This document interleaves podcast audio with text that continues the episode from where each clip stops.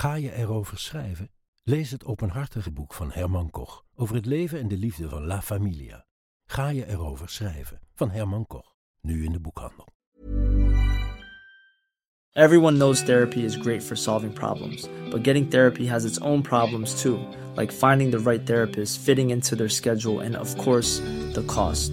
Well, BetterHelp can solve those problems. It's totally online and built around your schedule. It's surprisingly affordable too. Connect with a credentialed therapist by phone, video, or online chat, all from the comfort of your home.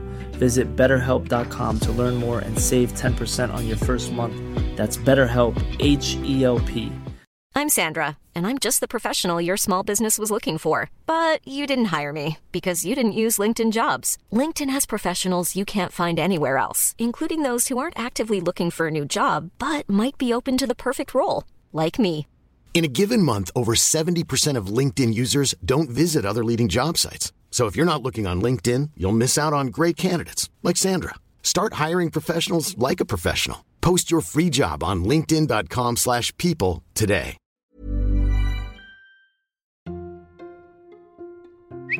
Ligt Twitter op sterven? Vraagt Elon Musk aan zijn 80 miljoen volgers. Het is 9 april 2022 en de miljardair is inmiddels de grootste aandeelhouder van het social media platform. En daarom sinds een paar dagen toegetreden tot het bestuur. Twitter-CEO Parag Agrawal leest deze tweet dan ook met opgetrokken wenkbrauwen. Je bent vrij om te tweeten wat je wilt, stuurt de CEO naar Musk. Maar het is mijn verantwoordelijkheid om je te vertellen dat dit mij niet helpt om Twitter beter te maken. De sms heeft niet het effect waar Agrawal op hoopt. Wat heb jij deze week voor elkaar gekregen? stuurt Musk terug. Dit is zonde van mijn tijd. Ik zal een bod uitbrengen om Twitter over te nemen. Musk ziet het als zijn taak om het vrije woord op Twitter te beschermen. En daar heeft hij maar liefst 44 miljard dollar voor over. Na een half jaar van chaos en rechtszaken verandert Musk zijn bio in Chief Twit. Daarna deelt hij een video waarin hij een porseleinen wasbak het hoofdkwartier van Twitter intilt. Met de caption: Entering HQ Twitter. Let that sink in.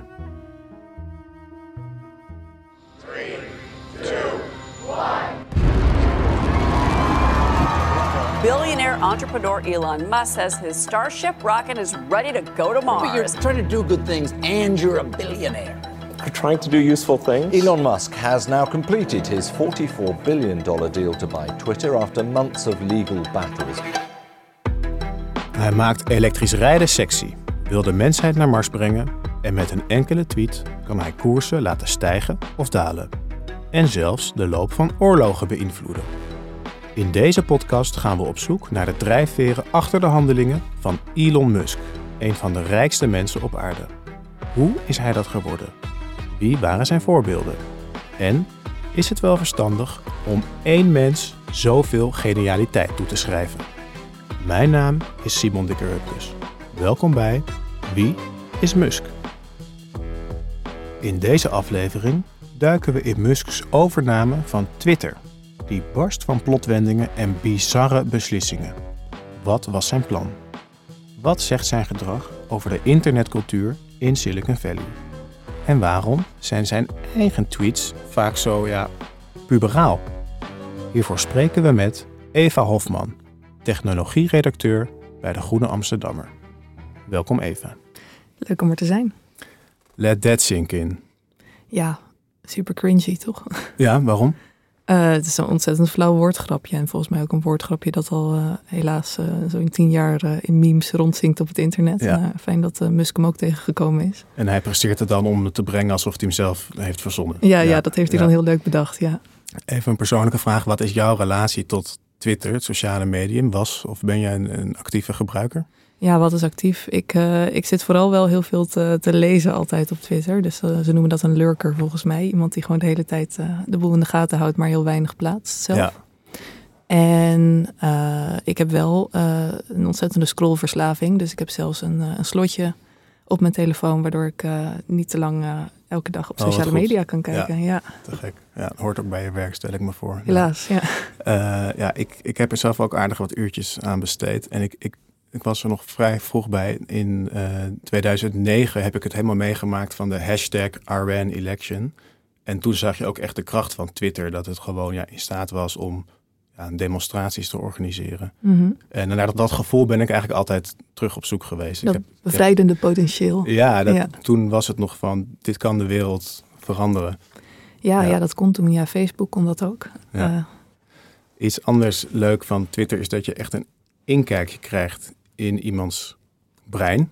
Omdat jij heel kort in een opwelling verzint iemand iets en drukt dan op, op, op post. Als wij even kijken naar Elon Musk's eigen Twitter-gedrag, ook voordat hij het bedrijf had gekocht, eh, komt het niet echt over als iemand waarvan je zegt: dit is een van de slimste mensen ter wereld. nee, en ook niet eh, alsof het een van de drukste mensen ter wereld is. Hij moet soms eh, huilen dat hij het zo druk heeft met zijn werkweken en zo tijdens interviews en alles. Maar hij is non-stop aan het twitteren. Ja. Dus hoe heb je dan tijd voor andere dingen? Ik zou dat niet kunnen, denk ik. Ja. En hoe zou je zijn tweets karakteriseren? Nou, ik zei net al, ik zei net al cringe volgens mij. Maar eh, gewoon hele ja, flauwe grappen, chaotisch eh, en, en uitermate invloedrijk.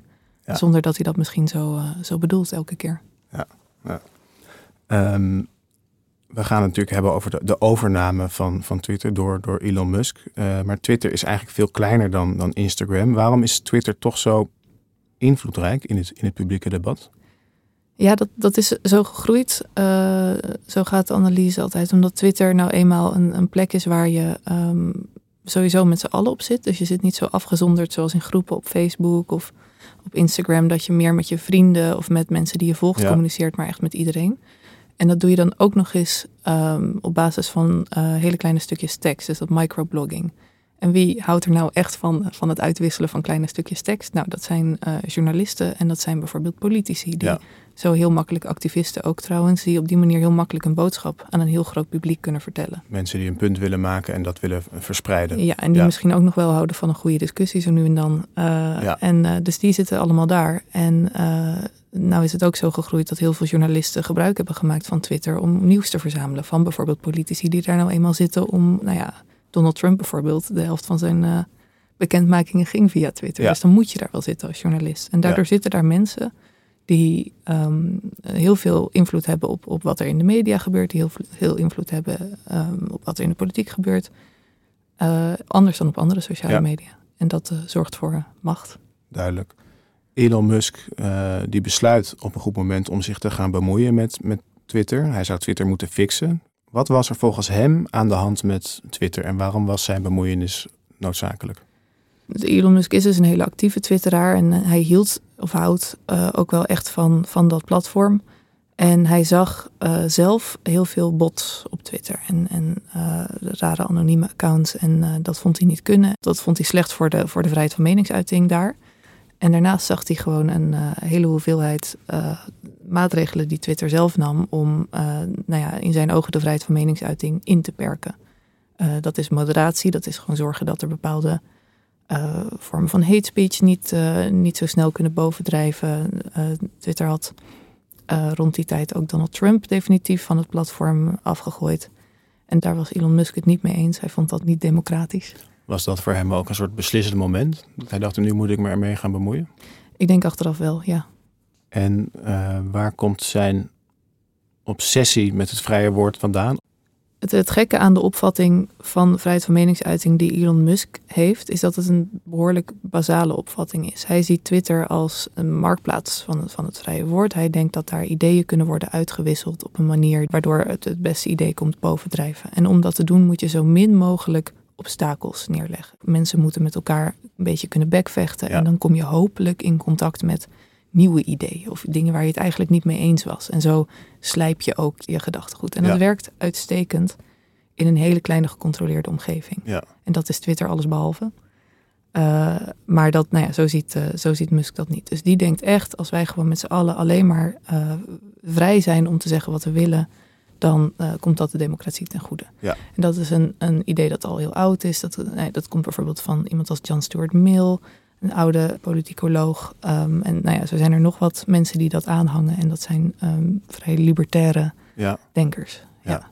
En er is natuurlijk ook nog een, een, een verschil in de zin van ja, vrijheid van meningsuiting betekent natuurlijk ook dat je niet aangeklaagd mag worden voor iets wat je, wat je zegt.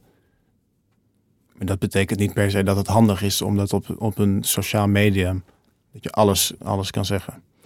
Nee, nee. En bovendien, uh, we hebben wel meer rechten in Nederland en in de wereld. Eén is daarvan vrijheid van meningsuiting, maar je hebt bijvoorbeeld ook het recht om uh, niet smaad of laster op je dak te krijgen of bedreigd te worden. Ja. En uh, als je geen obstakels inbouwt, dan, dan kan dat met die vrijheid van meningsuiting wel allemaal meekomen.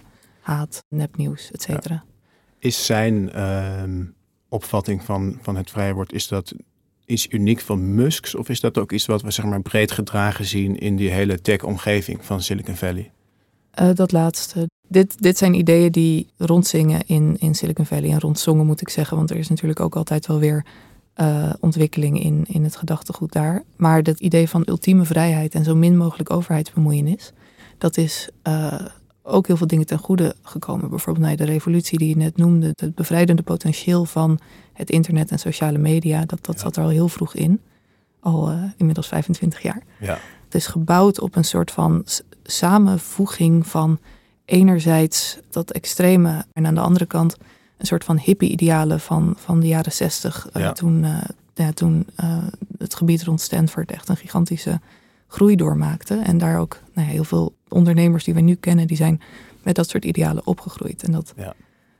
uh, Dat is een beetje het idee van eh, Steve Jobs heeft eh, LSD genomen toen hij eh, studeerde. Juist, en ja, die heeft toen- daar zijn, zijn visie Toen gezien. kwamen er allemaal ideeën Ja. uit en, en wauw, en moet je kijken. En we zijn inderdaad vrij van de overheid en we mogen eh, vrij van, van allerlei structuren die er zijn in de maatschappij, kunnen wij iets nieuws bedenken en iets waar we met elkaar kunnen praten. En anderzijds is natuurlijk het idee van, nou ja, technologie moet zo snel mogelijk kunnen groeien. Innovatie is zo belangrijk, daar mag geen blokkade voor in de weg zitten. Dus, Ja. dus eh, dingen als bijvoorbeeld regulering of eh, nou ja, het, het beperken van marktmacht voor grote platforms en zo. Dat zit ook innovatie in de weg, in, in die ideologie. En nou ja, zo versmelten eigenlijk twee vrij grote uitersten met elkaar Ja. tot, tot een ideologie die eh, best overeenkomt met, eh, met hoe Musk het nu eh, voor zich ziet. Ja, dus Musk is daar ook gewoon een, een heel mooi voorbeeld van. Van dat huwelijk tussen zeg maar, libertarisme en een hippie, oude hippie-idealen. En ja, vrije marktwerking in extremis. Juist, ja. Ja, duidelijk. Goed, het, eh, hij denkt dus op een gegeven moment... Ik, ik moet me gaan bemoeien met eh, Twitter. Ik heb nog, eh, zoals je zegt, tijd over. En ik, ik kan hier misschien wat, wat goeds betekenen met al mijn capaciteiten. Wat volgt is dan een, een bizarre overnamestrijd. Kun jij ons kort schetsen wat er daar gebeurt? Ja, nou ja, we zijn in 2022. Musk heeft al in januari ontzettend veel aandelen opgekocht van, van Twitter. Dus hij Ja. is al bezig met zijn macht daar vergroten. En die heeft op een gegeven moment de briljante ingeving. Weet je wat ik ga doen? Ik ga gewoon Twitter kopen.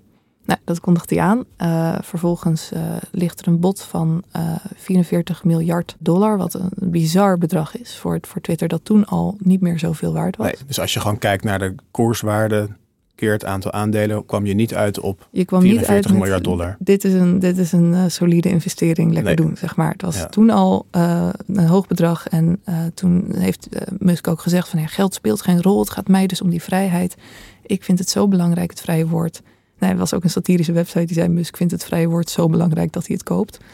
Ehm nou ja, goed, hij wilde dat gewoon heel graag. Hij dacht, ik ga Twitter fixen, ik ga Ja. dit maken. Eh, dus hij, hij koopt Twitter en dat, is, dat gaat zo ontzettend snel. En eerst proberen de, de bazen daar nog tegen te houden. Die zeggen van we gaan, we gaan een poison pill. Wat is een poison pill? Een poison pill is een manier om te zorgen dat je eigen bedrijf zeg maar doodgaat voordat iemand anders het kan Ja. kopen. Ehm, dus die dachten eerst van nou ja, nee, dat, dit gaan we echt niet doen. Eh, Musk mag dat niet, eh, Ja. niet overnemen. Nee, dus het is wel even goed voor de duidelijkheid. Ja. De, de mensen die op dat moment aan het hoofd staan van, van Twitter en ook meer in het algemeen alle werknemers, die staan niet te springen om, om Elon Musk's bemoeienis. Bepaald niet, nee. Nee. nee. Ehm, maar het, het gekke is, en eh, we weten niet precies wat daar gebeurd is, maar uiteindelijk was dat bedrag toch wel eh, hoog genoeg. En eh, mocht Musk binnen een maand Twitter kopen. Ja. Dus dat, Musk lijkt dan ook een beetje te schrikken. Dat hij denkt van, oh shit, dit was ook niet helemaal de, de bedoeling. ja, nou ja, ik, heb, ik doe ook wel eens een impulsaankoop. Niet voor zoveel geld, maar eh, dat je denkt van, nou, ik heb het nu in mijn handen. Ja. En eh, was het eigenlijk wel wat ik wilde dat het was. Dus hij, hij beziet Twitter. Hij heeft ook weinig onderzoek gedaan. Hij heeft Ja. niet eh, het hele bedrijf laten doorlichten voordat hij het kocht. En hij denkt ineens van ja, die bots, alles leuk en aardig, maar dat zijn er misschien toch wel heel erg veel. Ja. En uh, daar wil ik eigenlijk vanaf. En ik weet niet hoe. Ja, dus hij probeert terug te krabbelen. Ja. Maar hij heeft zichzelf inmiddels juridisch gezien al verplicht tot, tot, uh, ja, tot de aankoop. Twitter klapt intussen ook, ook nog wat verder in. Dus het gaat Ja. nog slechter met Twitter dan hij dan die had gehoopt. En hij, hij, nou ja, de vraag is dus een beetje, was hij redenen aan het verzinnen om toch nog onder die koop uit te komen? Of Ja. eh, was het een valide reden dat er, dat er zoveel raars op die website zat dat hij dacht van ja, maar dit was niet de afspraak? En hij moet het geld ook nog bij elkaar krijgen. Wat zelfs voor de rijkste man ter wereld geen eenvoudige opgave is. Dit was toch wel heel erg veel geld dat hij Ja. ineens via allerlei eh, vreemde investeerders toch nog bij elkaar moest harken. Van de Saoedische prins tot Shaquille O'Neal tot... eh, Precies, ja. eh, volgens mij eh Puff Daddy doet zelfs mee. Oh jee, ja, Ja. nou moet je nagaan. Als een, eh, als een helden. Ja. Nou ja, goed. Het heeft hij zo ver eh, laten komen dat er een rechtszaak zou komen. Dat hij eh, waarschijnlijk in die rechtszaak ook wel verplicht zou worden tot eh, het kopen of het betalen van een boete voor het niet kopen. Ja.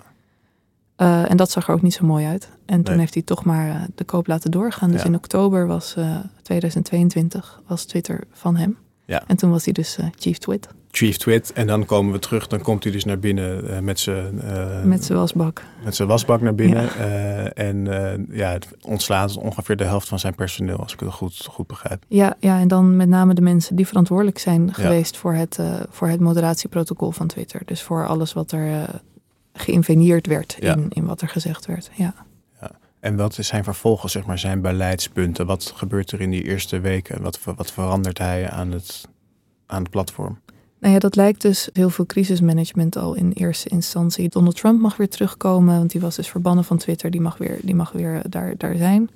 Eh, je ziet eh, op, op andere platforms die wat minder populair zijn dan Twitter, maar wel bijvoorbeeld wat extreem rechtser, dat mensen zeggen van kom, we gaan weer terug daarheen. Ja. Want het kan weer, want er zijn weer minder regels. Dus we mogen weer zeggen wat we willen daar.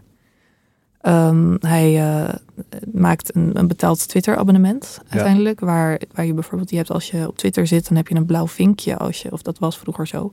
Je had vroeger op Twitter een blauw vinkje. En dat Ja. betekende dan dat je bijvoorbeeld een politicus was of een journalist die geverifieerd was. Ehm, Dat je die- de echte ja, was. Dat je, dat Ja. je de echte bent. Dat er niet een of andere gekke troll is die, eh, die de echte minister-president of de Juist, echte eh, Britney Spears. Dat was gewoon een, ja, een, een, een eh, kwaliteitscontrole, zeg maar.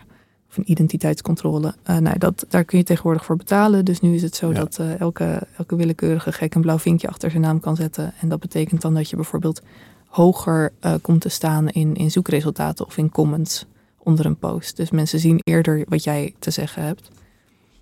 En als je daar, ik geloof is het, nu is het 8 dollar per maand voor betaalt, dan, dan heb je dat recht. ja, Twitter Blue. Twitter Blue. Dus hij probeert eigenlijk al heel snel ehm, geld te verdienen aan, aan die app. Eh advertentieinkomsten lopen ontzettend terug. Want mensen, nou ja, mensen zien ook dat het niet zo goed gaat op dat platform. Dus die, die trekken zich allemaal terug, investeerders. Dus hij moet ook geld verdienen. En hij heeft net heel veel geld erin gestopt. Ja. Dus nou ja, er, er moet een manier zijn om geld te verdienen. Daar is hij nu nog steeds mee bezig. En dat Ehm, sla- slaagt hij nog niet heel aardig in. Slaagt goed niet begrijp. heel aardig in. Nee, Nee. nee. Nee, dus puur even ja. los van eh, eh, wat jij er verder van vindt eh, en hoe hij de kwaliteit van het medium beïnvloedt. Mhm. Puur zakelijk gezien is dit niet echt een succes. Zakelijk gaat het niet, niet top. Vrede, Oekraïne-Rusland. Houdt opnieuw vrije verkiezingen in de vier geannexeerde Oekraïnse provincies. Geeft de Krim terug aan Rusland. Waarborgt de watervoorziening naar de Krim. Oekraïne wordt een neutraal land. Een vredesvoorstel in een tweet. Niet van een diplomaat of staatsman, maar van zelfbenoemde vredesprins Elon Musk. President Zelensky reageert woedend. En hij is niet de enige. Fuck off, is mijn zeer diplomatieke antwoord, tweet de Oekraïense ambassadeur Andriy Melnik terug. Alleen in Moskou kan Musks bemoeienis op enthousiasme rekenen. Een paar dagen later meldt de SpaceX-baas dat hij Oekraïne niet langer gratis van internet kan voorzien via zijn bedrijf Starlink.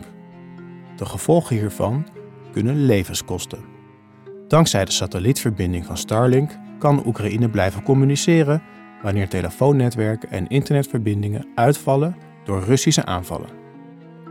Kort daarna strijkt de miljardair toch over zijn hart en tweet: Ondanks dat Starlink nog steeds geld verliest en andere bedrijven miljarden aan dollars krijgen van de belastingbetaler, blijven wij de Oekraïense regering wel gratis financieren.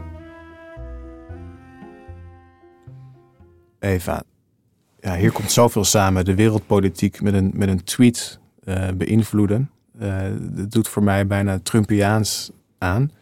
Wat vertelt dit verhaal jou?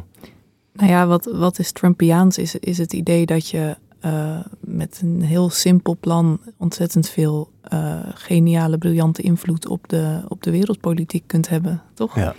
Uh, en Trumpiaans is misschien ook wel een soort megalomanie die, die Musk ook in zich heeft. Ja. Um, ja, wat hier gebeurt is, is eigenlijk wat er ook um, met Twitter gebeurt. Namelijk, Musk ziet iets, ziet dat iets misgaat, denkt, wacht eens even. Ja. Ik weet heel veel van eigenlijk bijna alles. Ik los dit wel eventjes op. Ja. Zelfs als het inhoudelijk gezien een goed, goed plan zou zijn, uh, wat ik niet denk, dan nog is de manier hoe je het brengt voor mij ook heel gek. Maar dan zou je denken, ga dat via de diplomatieke kanalen proberen voor elkaar te krijgen. Want je weet dat het op deze manier gaat het sowieso niet lukken. Ja, nou is de droom natuurlijk dat Twitter of, of X, of, of hoe het dan uh, ook mag heten, uh, dat kanaal wordt ja. natuurlijk. Hè? Dat, is, dat moet het, het middel zijn waar, uh, waar iedereen mee communiceert. Ja. In Musk's visie. Ja. Nou, hij ja. doet hetzelfde ook met de China-Taiwan situatie. Ook daar dacht hij vorig jaar een oplossing te kunnen bieden in, in, in 280 tekens. Mm. Heeft volgens nog ook niet, niet gewerkt. Is niet, nee, is niet opgelost. Nee. Maar wat is wel de invloed van zo'n, van zo'n tweet? Uh, nou ja, dat, ik, liep er een beetje lacherig over te doen, maar de invloed is natuurlijk wel gigantisch. En um, in het geval van, van Oekraïne op een heel land dat ineens een rep en roer is, omdat het misschien wel geen internetverbinding ja. meer heeft zo meteen. Want Starlink bood dus internet via satellieten. Ja, precies. Ja. ja. aan een land dat al in crisis was. Ja, en uh, dus ook cruciaal, ja. niet alleen voor de bevolking, maar ook voor de militaire communicatie. Ja, en het was niet eens zo dat Oekraïne zich daar van tevoren nou zo afhankelijk van gemaakt had, maar, maar Musk die kwam wel even inspringen op een moment dat er, uh, nou ja, dat, dat nodig was. Fixte het heel snel. Ja. Nou ja, heel goed gedaan ook, hoe, hoe snel die uh, ervoor kon zorgen dat er toch weer internetvoorziening was. Ja.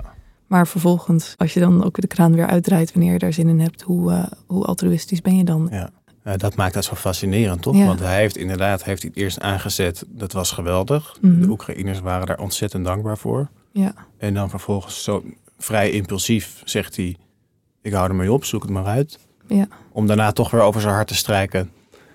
Ja, ik, uh, ik ja. fix het toch wel weer nou vooruit. Maar jongens, ook al verdien ik er geen geld aan, jullie krijgen gewoon je internet. Nou ja, ja. dankjewel. Hey, dat brengt mij een beetje op de vraag van, ja, is het überhaupt dan een geschikt medium om wel op een genuanceerde manier uh, van gedachten te wisselen? Kan het wel? Kunnen we op zo'n medium als Twitter met elkaar democratisch in gesprek? Of ja. gewoon überhaupt met elkaar in gesprek? Ja, Ja. Het, het, het kan, zeker. Het gebeurt ook natuurlijk. Er zijn heel veel uh, kringen in, in Twitter waar op een redelijk civiele manier met elkaar gesproken wordt. En ik bedoel, ik zit er ook niet voor niets. Heel veel mensen zitten er niet voor niets. Je, je krijgt er ook heel veel leuke dingen Ja. uit. Anders zou je er niet heen gaan. Maar om nou te zeggen, we moeten het publieke debat uitbesteden aan een groot platform dat niet per se de democratie uh, als hoogste waarde heeft. Nee, nee, dat, dat werkt niet zo. En nou ja, het is een platform waar iedereen met iedereen in gesprek kan en gaat. Ja. Ook nou ja, wie, wie dan ook maar zin heeft om, uh, om te tweeten. Ja. Het lukt niet eens om in de Tweede Kamer een fatsoenlijk gesprek met elkaar te voeren soms. En dat is een redelijk kleine groep mensen. Dus ik ben benieuwd als je al die mensen met nog meer, nog wijdverspreidere ideologieën bij elkaar zet, wereldwijd. Ja, ik weet niet of je daar dan een goed gesprek Nee. uit krijgt. Dat brengt uh, ons op, de, op de, het onderwerp van, van moderatie. Mhm. Musk is er geen fan van, maar ja, je kan eenmaal niet een, een social medium hebben zonder enige vorm van, uh, van moderatie. Niet alleen Twitter, maar ook uh, Facebook heeft dat wel geleerd door de jaren heen. Kun jij ons iets uitleggen, maar in zijn algemeen, hoe, hoe organiseert zo'n zo'n techbedrijf dat? Ja, dat verschilt heel erg. Vroeger was het internet behoorlijk genetwerkt. Dus dat betekende dat eigenlijk wat, wat voorrang had was wie jij volgde. Of wie jij wie zin had om te lezen. En dat, dat zag je dan eerder terug. En de laatste tijd uh, zien we steeds meer feeds op basis van algoritmische voorschoteling. Dus Ja. dat heet dan de For You-page. Die heb je nu op Twitter ook. En dan zie je niet alleen wie je volgt, maar dan zie je wie het algoritme denkt dat jij Ja. leuk vindt om te zien. Op basis van waar je vroeger op hebt geliked. Ja, of, of, ja, eh, van je gegevens. Dus ook, ook niet eens alleen dat, maar bijvoorbeeld, nou ja, ik ben een, een vrouw van eind 20 en dus zal ik dit en dit en dit wel leuk vinden. En dan hoef ik dat niet eens geliked te hebben, zeg maar. dat, dat is ook al moderatie. Oké, ik dacht moderatie is echt een soort van ja, beheren wat wel en niet gezegd mag worden. En welke tweets bijvoorbeeld worden laten zien of worden. Ja, nee, precies. Dus dat is wat ze je laten zien. Ja. Dat kan dan iets zijn wat bijvoorbeeld heel veel interactie eh, in zich heeft. Dus Ja. iets waar heel veel mensen op reageren. En het liefst waar mensen dan bijvoorbeeld heel emotioneel op reageren. En dat zijn dus bijvoorbeeld berichten waar mensen heel boos van worden. Ja. En als je eh, heel veel berichten ziet waar mensen boos van worden, dan word je misschien zelf ook wel een beetje boos. Eh, dus nou ja, dat, nou ja, en zo, zo wordt een platform steeds bozer en worden mensen op een platform steeds bozer. Ja. Ehm, dat is één vorm van moderatie. En dan zijn er nog natuurlijk de, de, de haatberichten en het nepnieuws en de, de onthoofdingen en de, de kinderporno en al dat soort nare dingen die je helemaal niet op je platform wil, die Nee. eigenlijk niemand op zijn platform wil. Nee. Die worden er actief uitgefilterd. En hoe gebeurt dat? Ook met een algoritme? Of zitten er ook echt mensen gewoon te klikken 24 uur per dag? Ja, zitten, zitten ook mensen te, te klikken. Dat is eh, geen leuke baan. Daar Nee. komen best wel veel mensen behoorlijk getraumatiseerd van, eh, van terug. Maar er zitten mensen in, eh, ja, wereldwijd, ook in Nederland, die hebben die baan. Die klikken gewoon de hele dag op berichten om te kijken van nou, wat gebeurt hier en waarom is het niet volgens onze huisregels en waarom moet het weg of niet. Ik kan me Ja. voorstellen als je dan binnenkomt en je ontslaat de helft van je personeel, dat je dan wel wat problemen ook veroorzaakt. Gewoon in de dagelijkse gang van zaken op zo'n op zo'n netwerk. Ja, zeker. Nou dat. En ehm, dat personeel heeft ook regels bedacht. En die regels die zijn ontzettend belangrijk. Want mensen eh, worden over het algemeen niet eh, blij van dat ze van Twitter verbannen worden. Ja. Of dat hun post verwijderd wordt. Eh, dus die regels die moeten duidelijk zijn. En die regels die moeten ook fair zijn. Eh, en die regels die zijn bijvoorbeeld bij Twitter. Twitter begon met bijna geen regels. En die hebben dat in, in tien jaar tijd best wel streng gemaakt. Dus Ja. dat je, wat je allemaal wel en niet mag zeggen op Twitter. Dat is een policy die, die jarenlang gebouwd is. En die heeft eh, Elon Musk in één keer overboord gegooid. Want die dacht, nou ja, dit, is, dit moet veel simpeler kunnen. Eh, nou, dat bleek, bleek niet zo te zijn. Dus wat je nu ziet is inderdaad wel weer heel veel haatberichten. Nou ja, het is weer makkelijker om extremere speech toe te laten. Zeg maar. Ja. Ehm, kan je daar een concreet voorbeeld van geven? Ja, nou ja, goed. We hadden het net al even over die vrije marktplaats van ideeën. Hè? Dus het beste idee mag komen bovendrijven. Nou, dat gebeurt dan niet. Een, idee komt bovendrijven op basis van hoeveel emotie het oproept. En dat, dat kan allemaal nog wel. Maar wat er dan gebeurt als je eh, moderatieregels weghaalt, is dat stemmen die bijvoorbeeld makkelijker in gevaar zijn, bijvoorbeeld van, van activisten, Black Lives Matter eh, is ook actief op Twitter. Eh, op het moment dat die eh, zeggen wat ze te zeggen hebben. En er zijn zo ontzettend veel mensen het met hen oneens of die, die proberen hen te onderdrukken. Dan komt er een enorm trollenleger op je af. Dan kan het zijn dat je privégegevens gelekt worden. Dan kun je nou ja, als vrij klein account ineens door, door een, een lawine van kwaadwillenden worden overstelpt. En dat is heel gevaarlijk. Ja. Wat ik heel interessant vind is dat eh, bij Musk's andere bedrijven, bijvoorbeeld SpaceX of, of Tesla, kan hij zich dit soort eh, leiderschapsgedrag eigenlijk niet eh, veroorloven. Want je hebt gewoon te maken met de, de natuurwetten. Als die auto niet, niet rijdt, dan koopt niemand hem. Terwijl bij Twitter lijkt voor hem een soort speeltuin waarin hij zich niet aan dat soort regels hoeft te, te houden.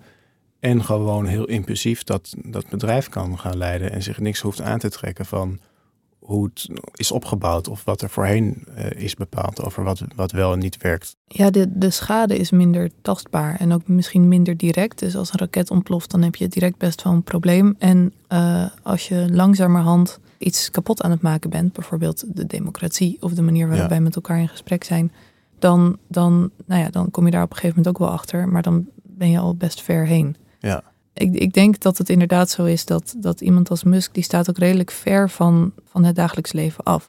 Misschien als je zo ver weg bent van, van dat alles, dan, dan lijken mensen gewoon een soort van stromen die je kunt beheersen in plaats van individuen die in gevaar kunnen komen door jouw beleid. ja. ja, dus dat doet mij denken aan een uitspraak van eh, Hans uit onze eerste aflevering. Die zei, ja, Musk die heeft echt het goede voor met de mensheid, maar hij vergeet de, de mensen een, een- Ja. een klein beetje. Ja, en dat is ook het gekke. Het is, Elon Musk is heel erg bezig met dus het redden van de mensheid. Hè? En dat, dat zie je eigenlijk ook terug in heel veel van die Silicon Valley figuren. Die houden zich ook bezig met het, het verlengen van hun, hun eigen leven, met het transhumanisme, het, het samenvallen van mens en machine, zeg maar. Het gaan naar Mars. Het, het idee dat we eigenlijk al bezig zijn met het uh, groeien voorbij het, het normale menselijke. En daar hoort natuurlijk ook totaal niet bij dat je dan bezig bent met, nou ja, wat, wat zijn individuen eigenlijk aan het doen? Of wat is de macht van een overheid überhaupt? Want daar ben je al lang voorbij, daar ben je al overheen. Je bent al in een, in een andere wereld uh, waar, waar al dat soort dingen min of meer randzaken zijn. Ja. ja. En tegelijkertijd zie ik dus dat zijn eigen ego heel erg naar voren komt. Bijvoorbeeld, we hadden de, de, de Super Bowl, was de halftime show, liet Rihanna zien dat ze zwanger was. Nou, dat gaf een soort mega piek op, op Twitter, dat de, de systemen gingen bijna kapot ervan. Mhm. Uh, en, en hij was toen boos dat zijn eigen tweets niet meer uh, bovenaan in de timeline uh, kwamen. Ja, daar moest het over gaan. Ja, maar dat is natuurlijk ook als je zelf het centrum van het universum bent en je bent zo'n ontzettend genie en alles wat jij zegt is heel belangrijk en invloedrijk, dan moet het ook zo zijn dat alles wat jij zegt goed gehoord wordt. Al het andere is dan een randzaak en je eigen flauwe grapje is het grappigste grapje. En Ja. je eigen interpretatie van een oorlog is de juiste. Ik ben wel te porren voor een kooigevecht. Als hij dat ook is. LOL. De ik is Elon Musk. De hij is Facebook, Instagram en WhatsApp-baas Mark Zuckerberg. De Twitter-rivaal van Instagram, Threads, komt eraan. En Musk is niet blij. Hij beschuldigt Zuckerberg van jatwerk. Zijn nieuwe app zou gemaakt zijn door voormalige werknemers van Twitter, die Musk zelf heeft ontslagen. Stuur me een tijd en plaats, reageert Zuckerberg. Uiteraard op Instagram. Wat volgt is een wedstrijd verplassen. Musk stelt op Twitter een potje piemelsmeten voor. Zuckerberg toont omringd door beroemde MMA-vechters zijn sixpack op Instagram en deelt video's van zijn jiu-jitsu trainingen. De Billionaire Battle heeft nog altijd niet plaatsgevonden, maar de strijd om de online arena gaat onverminderd door.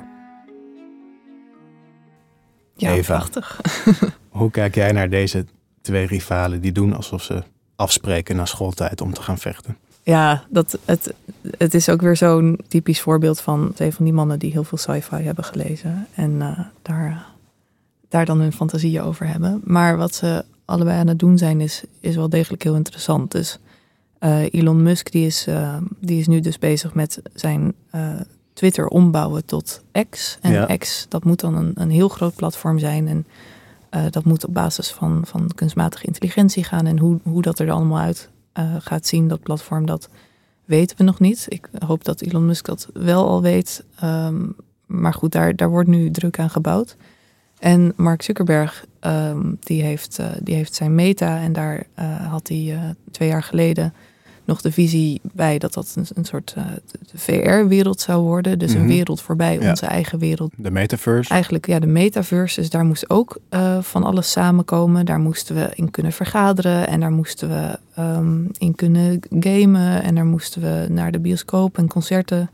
Dus het zijn eigenlijk twee mannen met, met een hele grote visie voor hun platforms. Die ver voorbij ehm, de functies van sociale media gaan zoals we die kennen. Ja.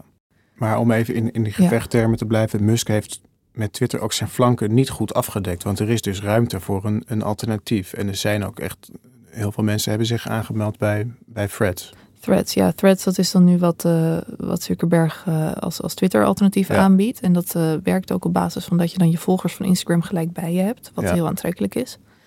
Dan moet ik zeggen, ja, Threads dat, eh, dat heeft heel veel gebruikers getrokken gelijk in het begin. Het is nog niet actief in de Europese Unie, eh, want het voldoet niet aan onze eh, wetgeving hier.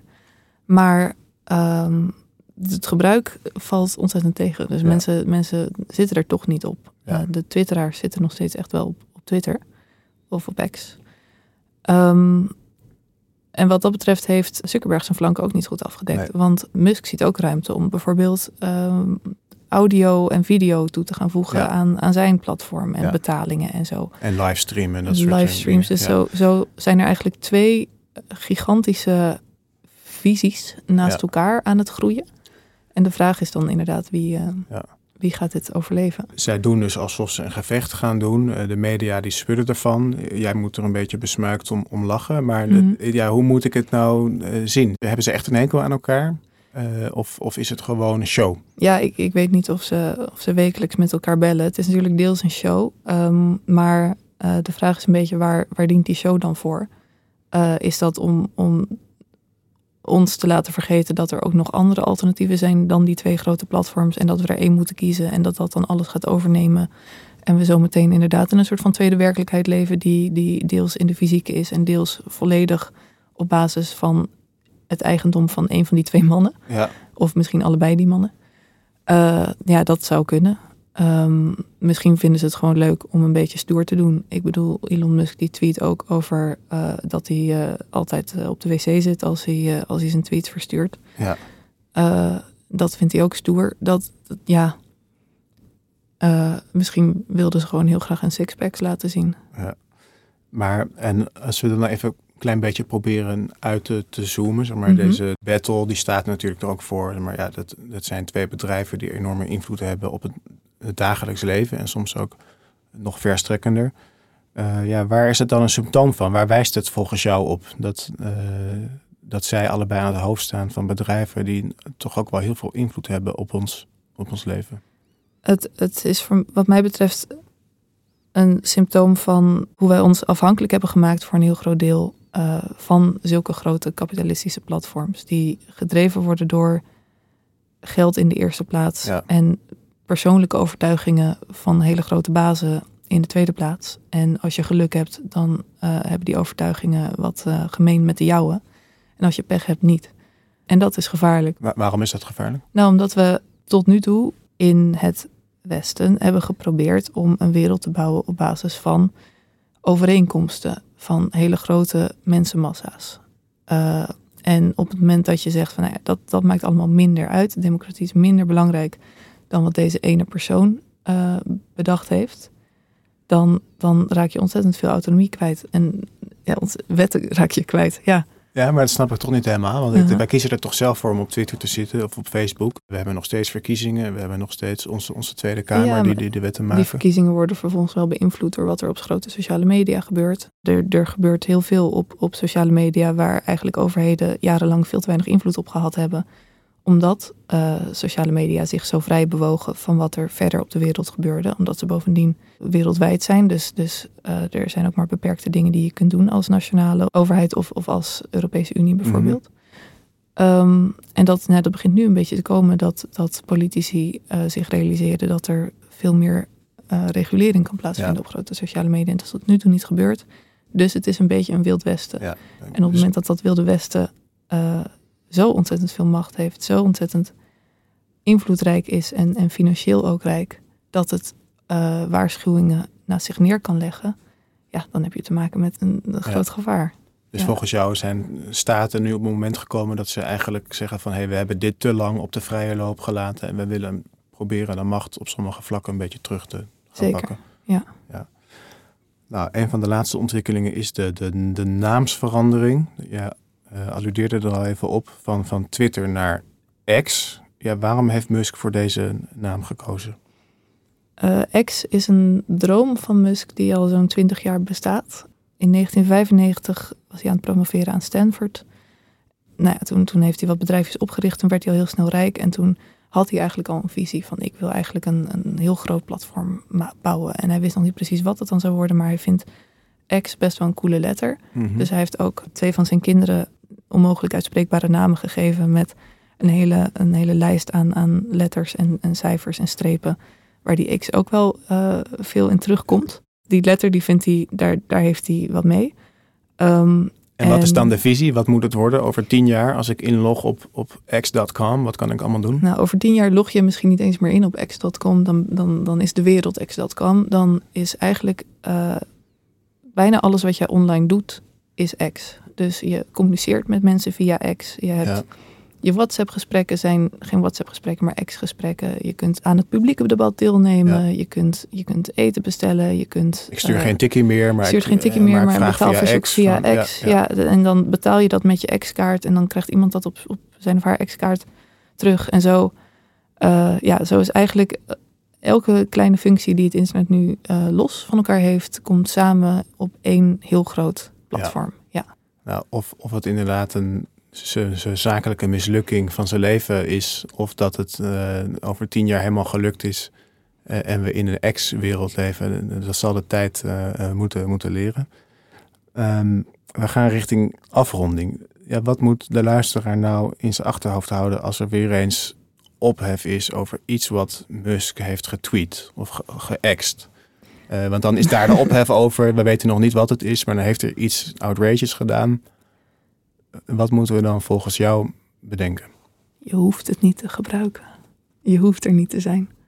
Je hoeft er niet te zijn. Je hoeft er niet te zijn. Er zijn alternatieven. Er is een, nog steeds een fysieke wereld. En misschien maken we het ook wel veel belangrijker dan het is. Heel fijn uh, dat je deze wijsheid met ons wil delen en een en ander hebt willen toelichten over de overname van Twitter door Elon Musk. Dankjewel, Eva Dankjewel. Hofman. Je luisterde naar Wie is Musk? Een podcast van VBK Audiolab en uitgeverij Atlas Contact. We hebben deze aflevering maar liefst twee boekentips. Wat gebeurt er toch in het hoofd van mensen die aan de top van een organisatie komen te staan? Verleidingen aan de top van Jaap van Ginneken geeft het antwoord. Wat er allemaal misging bij Facebook, grote concurrent van Musk op social gebied, lees je in Een smerige waarheid van Cecilia Kang en Shira Frankel. Alle boeken uit de podcast vind je op boekenwereld.com via de link in de omschrijving. In de volgende en laatste aflevering bespreken we met documentairemaker Hans Bustra de grootste bedreiging voor de mensheid. Volgens Elon Musk dan. Namelijk kunstmatige intelligentie. Grappig dat dit komt van de mensen die precies kaart aan het racen zijn in die wapenwetloop om dit te roepen. Waarin je volgens mij ziet dat er gewoon een angst achter zit dat iemand anders sneller er is dan jijzelf. Dus Musk richt niet voor niks zelf ook weer een AI-bedrijf op. Waardeer je deze serie? Geef ons dan een recensie op bijvoorbeeld Apple of Spotify. Dat helpt andere mensen deze serie ook te vinden. Wie is Musk? is gemaakt door Rachel van der Pol en Simon Dikker-Hupkes. Productie Ellen van Dalsem en Hedy de Vree. Techniek en montage Daphne Blokhuis en Stefan van Duin van Tinium Audioboekproducties. Muziek BMG Production Music.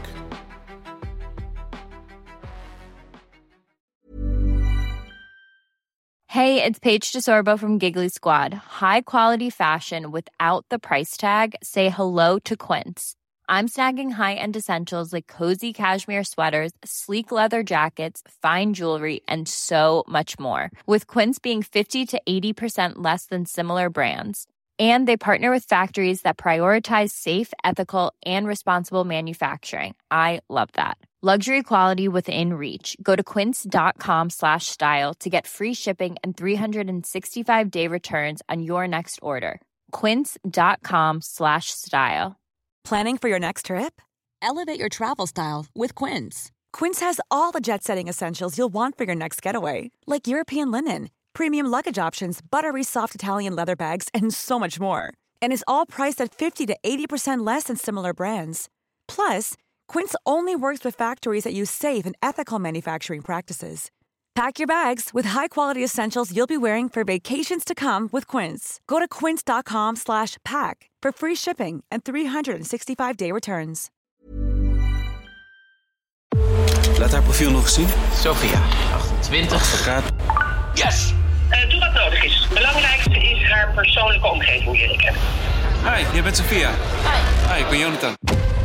Nog nooit kwam je zo dichtbij de Nederlandse spionagewereld. Jonathan, mocht blijken dat deze leiden minder onschuldig zijn dan gedacht, dan is de case closed. Omdat het Den Haag is? Politiek is een no-go. Jonathan, een razendsnelle audiothriller over een jonge AIVD'er op een onmogelijke missie. Ik nog iets binnen via de politieke desk. Een verhaal over Russische inmenging in de politiek. En over macht en ambitie. Ik heb dus de hele tijd het idee dat ik iemand zie. I said no. Go away. Don't be stupid. Don't! Sophia! Sophia! Gebaseerd op de ervaringen van voormalig AIVD'er Inze Martin. Jonathan, Ja? kijk uit hè. Dat je niet vergeet waarom we dit doen. Nu in je favoriete podcast-app.